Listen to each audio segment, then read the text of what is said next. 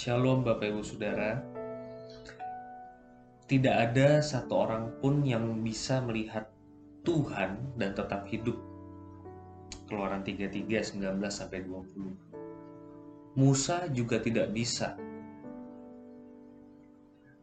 Keluaran 34 ayat yang ke-6 Berjalanlah Tuhan lewat dari depannya dan berseru, Tuhan, Tuhan, Allah penyayang dan pengasih, panjang sabar, berlimpah kasih setia, berlimpah kasihnya dan setianya.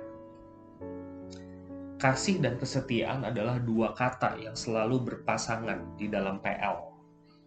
Kasih membicarakan anugerah perjanjian Allah, kesetiaan menggambarkan bahwa Allah bisa dipercaya. Allah tetap akan memegang teguh janji-janjinya. Ketika Yohanes memperkenalkan Yesus di Yohanes pasal 1, ia memperkenalkan Yesus sebagai Allah yang berkemah di tengah dunia. Yesus penuh kasih dan kebenaran. Atau kalau pakai bahasa Keluaran 34, Yesus penuh kasih dan kesetiaan. Jadi bagaimana caranya kita tahu bahwa Allah itu penuh kasih dan kebenaran atau kesetiaan? Ya melalui Yesus. Allah berjanji kepada Musa di Keluaran 34 ayat 10, firman-Nya, Sungguh aku mengadakan suatu perjanjian di depan seluruh bangsamu ini. Akan kulakukan perbuatan-perbuatan yang ajaib, seperti yang belum pernah dijadikan di seluruh bumi. Di antara segala bangsa, seluruh bangsa, yang di tengah-tengahnya engkau diam, akan melihat perbuatan Tuhan.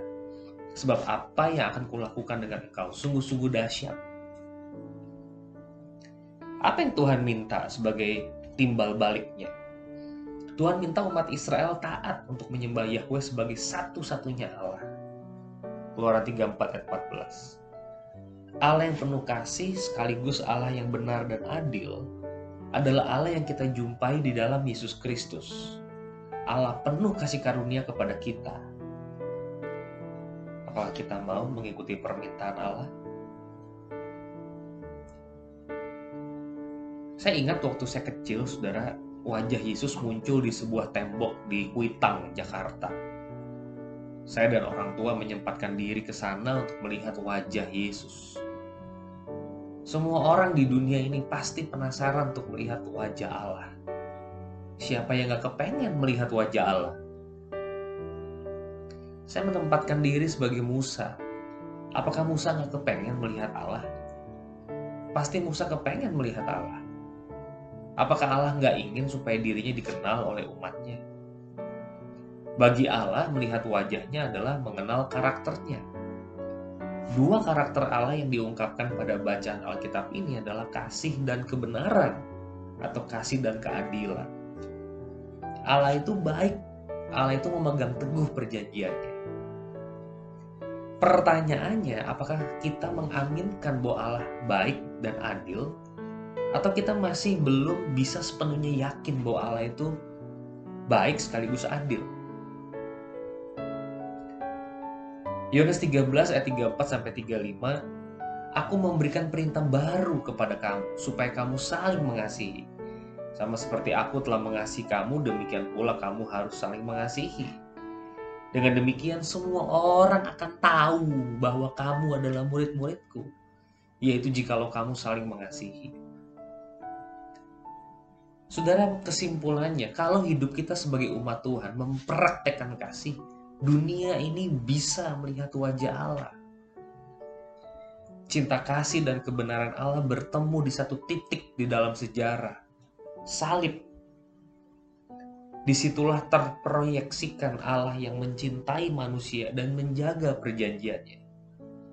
Dia memegang teguh komitmennya tugas kita sebagai umat untuk melanjutkan tongkat estafet kasih dan keadilan Allah. Kalau sesama tubuh Kristus berkelahi, bagaimana mungkin dunia ini melihat wajah Allah? Kalau sebagai umat kita masih rakus dan memikirkan cuan, bagaimana mungkin dunia ini bisa melihat wajah Allah? Karena itu kita harus memperhatikan dengan seksama bagaimana kita hidup saya rasa kita punya harapan wajah Allah bisa disibakkan kepada penduduk dunia ini.